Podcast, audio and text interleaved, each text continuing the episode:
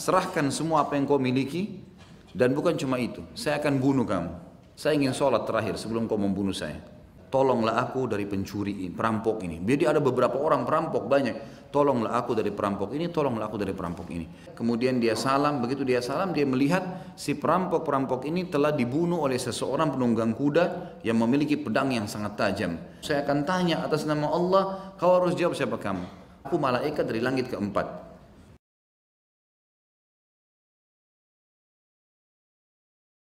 Dan pada malam ini Syekh Abu Bakar rahimahullah melengkapkan bahasan kita dengan tauhid ibadah. Tauhid adalah pengesahan. Dan kalau diitlakkan tauhid dalam masalah akidah berarti adalah pengesahan Allah yang maha tinggi maha pemurah dalam segala sesuatunya. Sementara ibadah setiap niat, perkataan, perbuatan yang dicintai dan diperintah oleh Allah sang pencipta. Setiap niat, perkataan, perbuatan yang diperintahkan dan dicintai oleh Sang Pencipta Allah.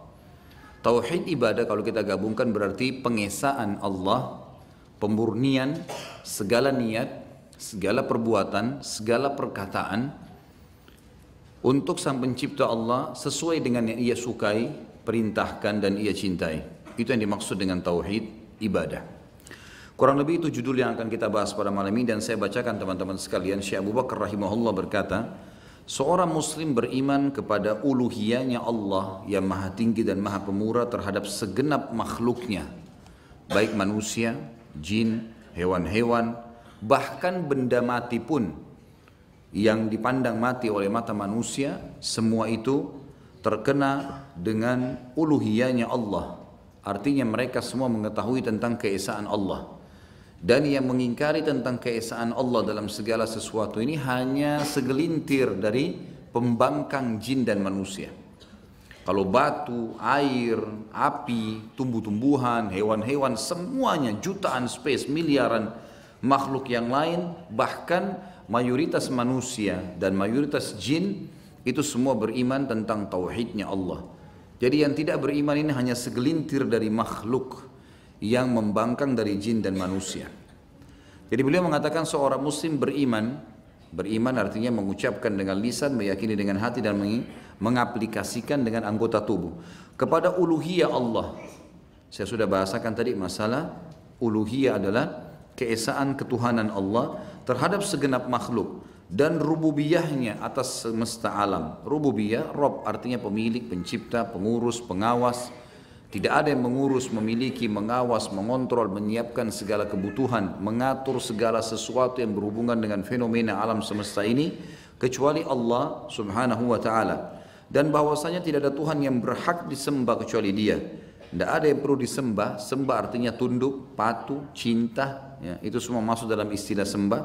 Tidak ada yang berhak disembah, ditakuti, ditunduki, dipatuhi kecuali Allah. Dan tidak ada Rabb, pencipta, pemilik, pengawas, pengurus, pemusnah yang mematikan dan menghidupkan serta menguasai alam semesta ini selain dia. Maka dari itu, seorang muslim beribadah hanya kepada Allah yang maha tinggi dan maha pemurah dengan segala bentuk ibadah yang telah Allah tetapkan bagi segenap hambanya dan ia tidak mengalihkan satu bentuk ibadah pun kepada selain Allah. Tidak boleh sama sekali mengalihkan bentuk ketundukan, kecintaan, kepatuhan, ketakutan kecuali kepada Allah. Oleh karena itu, apabila ia memohon, maka ia hanya memohon kepada Allah. Apabila meminta pertolongan, ia hanya meminta pertolongan kepada Allah. Dan apabila ia bernazar, maka ia hanya bernazar hanya untuk Allah atau kepada Allah. Jadi hanya untuk Allah segala semata segala amalan batin masuk dalamnya rasa takut, berharap, inabah atau mengembalikan perkara dari urusan, cinta, mengagungkan dan tawakal atau berserah diri. Dan juga amalan lahiriah seperti sholat, zakat, puasa, haji dan jihad. Yang demikian itu karena dalil-dalil nakli dan akli berikut ini. Sebelum baca dalil teman-teman sekalian, perlu digarisbawahi satu hal. Tidak akan pernah sengsara orang yang menggantungkan nasibnya kepada sang pencipta Allah. Tidak akan pernah sengsara dan tidak ada ruginya. Kalau ada di antara kita yang berkata misal, syaitan membisikkan kalimat dalam hatinya dia mengatakan, Ada yang saya minta belum Allah kasih. Baik.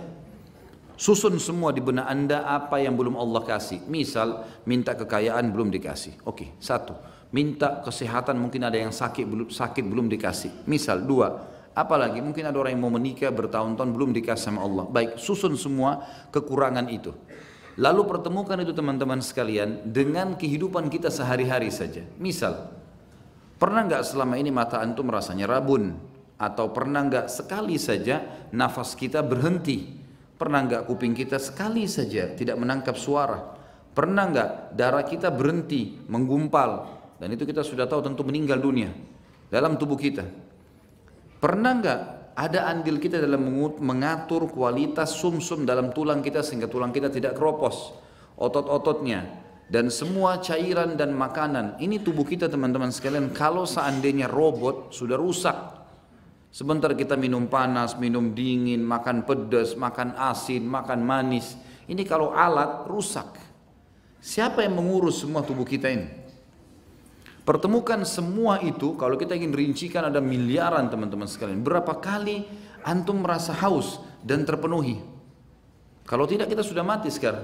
Tiap hari antum merasa haus kan? Terpenuhi nggak hausnya hilang? Dari mana haus itu bisa hilang? Siapa yang memudahkan kita dapat minuman? Berapa kali rasa lapar kita tertanggulangi? Bertahun-tahun. Kalau kita tidak ditanggulangi lapar kita oleh Sang Pencipta Allah, tentu kita sudah meninggal sekarang. Berapa kali capek kita hilang dengan kita istirahat. Berapa banyak nikmat sang pencipta Allah yang kalau dipertemukan dengan yang belum dikasih olehnya tidak ada nilainya. Tidak ada nilainya. Bahkan perkara besar, misal antum mengatakan Ustaz ada orang utang sama saya nggak bayar sudah 10 tahun. Kalau antum menghitung 10 tahun utang misalnya 10 juta tidak dibayar. Kalau kita hitung rezeki yang kita temukan dalam 10 tahun demi Allah nggak ada nilainya 10 juta itu. Terlalu banyak. Bukankah seseorang yang pincang kakinya berharap bisa jalan normal dan antum jalan bertahun-tahun di atas kaki dalam keadaan nyaman? Bukankah orang yang buta teman-teman berharap bisa melihat alam semesta ini sekali saja sehari walaupun dia buta lagi setelah itu? Bukankah orang tuli berharap bisa mendengarkan suara seperti antum merasakan sekarang? Dan terlalu banyak kalau kita ingin bahas masalah itu. Orang yang menggantungkan nasibnya dan dirinya kepada sang pencipta, pemilik segala sesuatunya. Kalau dia sedang mendapatkan nikmat, dia tinggal bersyukur kepada sang pencipta, sang pencipta akan memberikan kepadanya. Jelas konsepnya. Kalau dia sedang dapat nikmat, kenikmatan kesehatan, keturunan, ada pasangan, ada pekerjaan, tinggal dia menggantungkan nasibnya pada sang pencipta, dia akan memberikan kepada dia tambahan. Karena memang yang menciptakan dia, sang pencipta Allah, yang menciptakan nikmat yang sedang dirasakan adalah Allah, yang bisa mempertahankan Allah. Baik, kalau dia ada cobaan, sakit misalnya, atau ada masalah dengan orang lain, yang ciptakan dia Allah, yang ciptakan masalah itu Allah, yang sedang yang menciptakan juga lawan dia Allah, yang bisa menghilangkan semua itu Allah.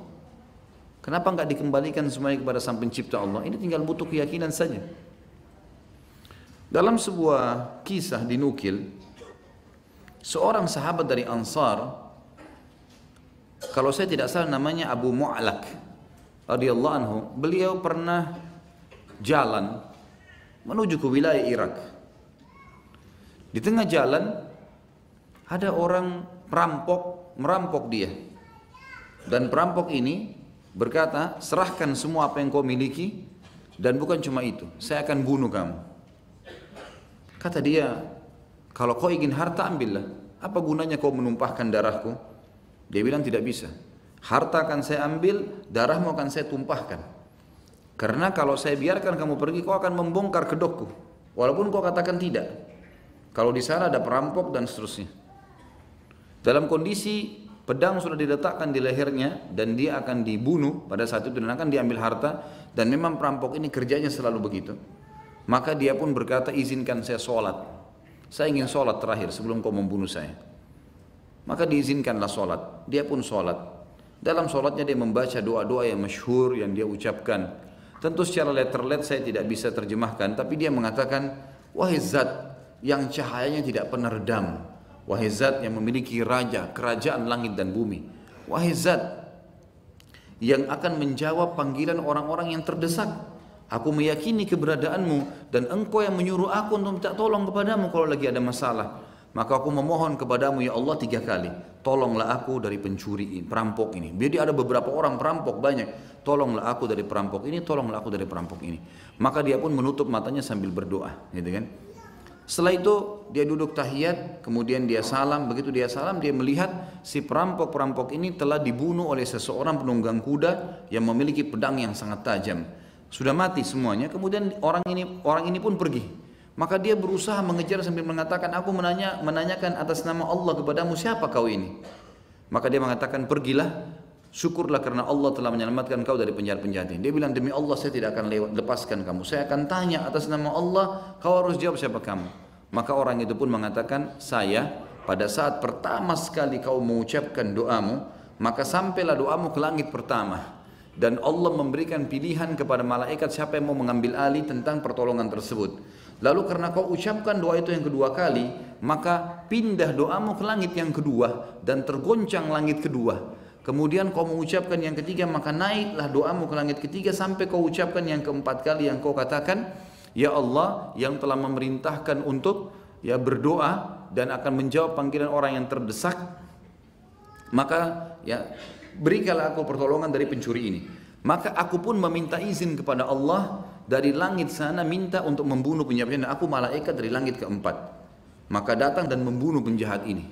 Dan ini kisah masyhur sekali ya, yang di mana orang-orang mengambil pelajaran darinya. Tentu saja, mohon maaf, saya tidak tahu tentang kalau kisah ini kesohihannya 100%. Tapi insya Allah dengan izin Allah saya tahunya ini dinukil oleh banyak para da'i-da'i kita di Timur Tengah. Kisah yang masyhur yang dinukil dari beberapa buku-buku yang ditulis oleh para ulama salaf dulu. Yang jelas yang kita ambil pelajaran teman-teman sekalian tentang masalah bagaimana kedekatan seorang hamba dengan Allah Subhanahu wa taala. Lepaskan ketergantungan dengan makhluk yang hanya selalu bisa memberikan angan-angan, ya, semoga saja, tolong bantu saya, baiklah saya usahakan. Kalau di, kalau dengan Allah tidak ada makanya tidak ada perkataan baiklah saya akan usahakan. Allah mengatakan kalau kalian meminta, saya pasti akan beri. Kalau ditanyakan kepadaku, saya sangat dekat. Tidak ada sama sekali hal-hal yang kurang di situ. Saya ingatkan kembali hadis Qudsi di mana pernah saya jelaskan di tauhid pertama kita menjelaskan tentang tauhid uluhiyah di awal-awal pasal kita yang berbunyi kata Nabi SAW Allah berfirman wahai anak Adam kalau kau yakin dengan kerajaanku maka kau tidak perlu takut dan khawatir dengan kerajaan sekaliku selain aku karena kerajaanku abadi dan tidak akan pernah musnah hai anak Adam kalau kau gantungkan nasibku padamu, maka aku akan memenuhi semua hajatmu. Dan kalau kau gantungkan nasibmu pada selain aku, aku akan biarkan kamu dengan ketergantunganmu. Ya. Wahai anak Adam, kalau seandainya engkau berusaha untuk menyampaikan semua hajatmu padaku, maka aku akan mendengarkan dan menampungnya. Dan kalau kau datang pada hari kiamat membawa dosa yang sangat banyak, selama kau tidak berbuat syirik padaku, maka aku akan mendatangkan juga sebanyak itu pengampunanku. Rahmat Allah luas, maka bergantung pada sang pencipta adalah hal yang sangat luar biasa. Jangan bergantung kepada makhluk yang tidak akan pernah bisa memenuhi kebutuhan kita kecuali sebagian kecil dari apa yang ya, yang yang yang dia bisa berikan kepada kita.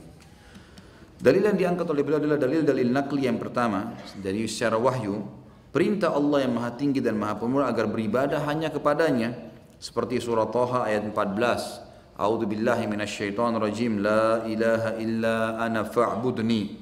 Tidak ada Tuhan yang berhak disembah. Sekali lagi kata-kata sembah tunduk patuh cinta takut masuk dalam kata-kata kata sembah itu tidak ada Tuhan yang berhak ditakuti dicintai dipatuhi ya, dihormati kecuali aku kata Allah. Maka beribadalah kepadaku niat Tadi ibadah saya bilang niat, perkataan, perbuatan semua yang Allah sukai dan perintahkan. Di dalam firman yang lain surah Al-Baqarah ayat 40, A'udzu billahi minasyaitonir rajim wa iyaya farhabun dan hanya kepadaku lah kalian semestinya takut. Dan ini bagian daripada penjabaran kata-kata sembah tadi. Dalam firman yang lain surah Al-Baqarah ayat 21 sampai 22, Allah yang Maha Tinggi dan Maha Pemurah juga berfirman, أعوذ بالله من الشيطان الرجيم يا أيها الناس اعبدوا ربكم الذي خلقكم والذين من قبلكم لعلكم تتقون الذي جعل لكم الأرض فراشا والسماء بناء وأنزل من السماء ماء فأخرج به من الثمرات رزقا لكم فلا تجعلوا لله أندادا وأنتم تعلمون هاي manusia dari suku manapun kalian di muka bumi, dari yang kecil sampai yang tua diajak ngomong sama Allah. Sembahlah Rob kalian. Sembah tadi saya bilang tunduk, patuh, cinta, hormat. Rob yang telah menciptakan kalian dan orang-orang sebelum kalian agar kalian bertakwa supaya kalian bisa patuh padanya. Dialah yang telah menjadikan bumi sebagai hamparan bagi kalian dan langit sebagai atap dan dia menurunkan air hujan dari langit Lalu dia menghasilkan dengan hujan itu segala buah-buahan sebagai rezeki untuk kalian. Karena itu, janganlah kalian mengadakan sekutu-sekutu bagi Allah, padahal kamu mengetahuinya. Saya pernah kasih contoh teman-teman berpikir lebih jauh masalah buah, jangan cuma sekedar beli. Di sini Allah mengatakan diturunkan hujan, lalu Allah keluarkan segala macam jenis buah-buahan. Yang besar, yang kecil, yang berwarna-warni, pisang berwarna kuning, apel berwarna merah, ada warna hijau, anggur, Selalu fikir hal yang besar teman-teman sekalian. Sebelum memakan, sebelum menikmati rasa manisnya atau asamnya, kita selalu berpikir lebih jauh. Siapa yang membuat jeruk dengan kulitnya seperti itu? Dengan e, tatanan buahnya di dalam, begitu rapinya, kita tinggal memilah. Kebanyakan kita teman-teman hanya tahu makan selesai. Oh ya rasanya manis ya. Tidak berpikir biji di dalamnya. Kenapa selalu jeruk itu sama? Tidak pernah habis. Dari mana itu? Begitu pula dengan pisang pernah saya bilang yang menata di sisirannya dengan begitu rapi? Yang memberikan warna yang indah di kulitnya dengan lembutnya. Dibuka isinya dengan begitu rasanya aromanya ya cita rasanya semuanya. Anggur kulitnya yang halus rasa di daging yang empuk rasanya yang enak semuanya itu teman-teman. Dan tarik ke semua hal itu baru buah-buahan belum sayur-sayuran belum uh, kita bicara hewan-hewan yang tinggal kita nikmatin ikan-ikan, kepiting, apa namanya udang segala macam yang ada di air. Kemudian juga yang kita makan dari uh, apa namanya makanan-makanan yang lain ya hewan darat dari kambing, dari sapi dan seterusnya. Kita selalu cuma tahu menikmati tapi tidak pernah berpikir tentang masalah hewan-hewan ini dari mana dan siapa yang menciptakannya. Allah mengatakan Allah turunkan hujan lalu Allah buat segala macam semua itu semua itu tujuannya agar kalian tidak menjadikan sekutu-sekutu bagi Allah. Subhanallah, saya lihat ada cuplikan di India, dikirim di WhatsApp oleh beberapa teman asatidah. Di India orang menyembah berhala. Ya kan? Orang menyembah berhala. Maaf, orang menyembah sapi, lembu. Didatangkan sapi itu di malam hari, kemudian dielus-elus lembu tersebut supaya tenang. Begitu tenang, orang-orang pada masuk di bawah perutnya dianggap itu adalah bentuk penyembahan. Lalu kemudian minta-minta sama lembu tersebut untuk diberikan kesehatan, keturunan dan seterusnya. Lihat bagaimana Allah menghancurkan orang-orang di Asia Tenggara pada saat mereka menyembelih satu juta ekor sapi dan kambing selain untuk Allah. Dalam dua hari Allah datangkan gempa hancur semuanya. Dan Tuhan-Tuhan yang mereka berikan sesembahan itu hancur semuanya. Bukankah di Myanmar sekarang sudah terjadi hal bukti-bukti tanda-tanda Allah? Orang-orang yang membantai umat Islam kemarin Berapa banyak umat Islam yang dibakar, yang disakiti, mati. Mereka kita tahu sudah mati syahid dan memang pasti mati karena ajalnya. Artinya mereka disiksa oleh Musa atau tidak pada hari itu, detik itu dia akan mati karena ajal, gitu kan. Tapi subhanallah saya kaget kemarin baru mungkin tiga minggu yang lalu, dua minggu yang lalu saya dikirimin ternyata pimpinan orang-orang yang telah memaksa, menyiksa muslimin itu dan para pasukan-pasukannya ikut membakar muslimin semua kena penyakit yang yang sulit untuk diobati dan pimpinan mereka itu kulitnya semuanya rusak seperti orang kena luka bakar.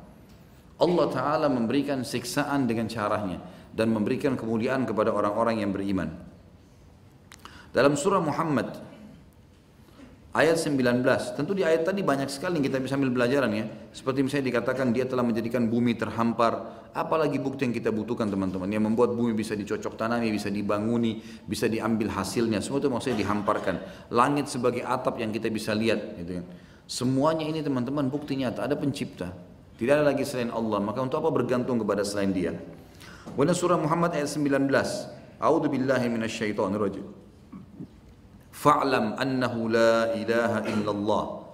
Ketahuilah, yakinilah, pegangilah sebagai hidup, eh, prinsip hidup bahwasanya tidak ada Tuhan yang berhak disembah kecuali Allah. Sembah tadi sudah saya bilang dicintai, ditunduki dan dipatuhi serta dihormati. Juga dalam firman Allah yang surah Fussilat ayat 36 Terus bertubi-tubi Allah subhanahu wa ta'ala mengingatkan kepada kita tentang pentingnya mengisahkan ketundukan kita kepadanya. A'udzu billahi minasyaitonir rajim fasta'idz billah innahu was samiul alim. maka mohonlah perlindungan kepada Allah maksudnya dari segala hal apa pun yang kita rasa terganggu a'udzubillahi minasyaitonirrajim. Atau kita mengatakan ya Allah tolonglah saya. Iyyaka na'budu wa iyyaka nasta'in. Maka mohonlah perlindungan kepada Allah dari segala sesuatunya karena sungguhnya dialah yang maha mendengar lagi maha mengetahui juga dalam firman yang lain kita disuruh mengembalikan segala perkara kita kepadanya surah At-Taghabun ayat 13 ini dalil terakhir dari poin pertama kita tadi dari dalil nakli Allah berfirman, "A'udzubillahi minasyaitonirrajim wa 'alallahi falyatawakkalul mu'minun." Dan hanya kepada Allah sajalah hendaklah orang-orang yang beriman itu berserah diri. Jadi artinya di sini disuruh kita hanya bergantung, tunduk dan mengisahkan ibadah kepada Sang Pencipta Allah. Yang kedua, berita dari Allah yang Maha Tinggi dan Maha Pemurah tentang uluhiyahnya seperti misal dalam surah An-Nahl ayat 36 A'udzu billahi minasyaitonir rajim wa laqad ba'atsna fi kulli ummatin rasulan an ibudullaha wa ijtanibut tagut. Khususnya kami telah mengutus rasul pada tiap-tiap umat untuk menyeru. Khusus potongan ayat ini, kata ulama, menandakan bahwasanya tidak ada lokasi di muka bumi kecuali telah sampai padanya nabi dan rasul. Hanya saja dari 120 ribu nabi di antaranya 313 rasul yang diceritakan kepada kita ada cuma 25 nabi dan rasul dan masih banyak yang kita belum ketahui. Bahkan ulama mengatakan selain nabi-nabi dan rasul Allah Subhanahu wa taala menjadikan uh, penyambung lidah para nabi orang-orang saleh. Seperti kasus misalnya Luqman ya yang disebutkan dalam surah Luqman ini lebih kuat pendapat ulama mengatakan bukan seorang nabi. Kalau nabi maka Nabi Muhammad SAW akan masukkan dalam 25 nabi dan rasul yang wajib kita imani. Ini menandakan dia hanya seorang yang saleh. Satu dari sekian banyak hamba Allah yang saleh yang memang diceritakan dalam Al-Quran.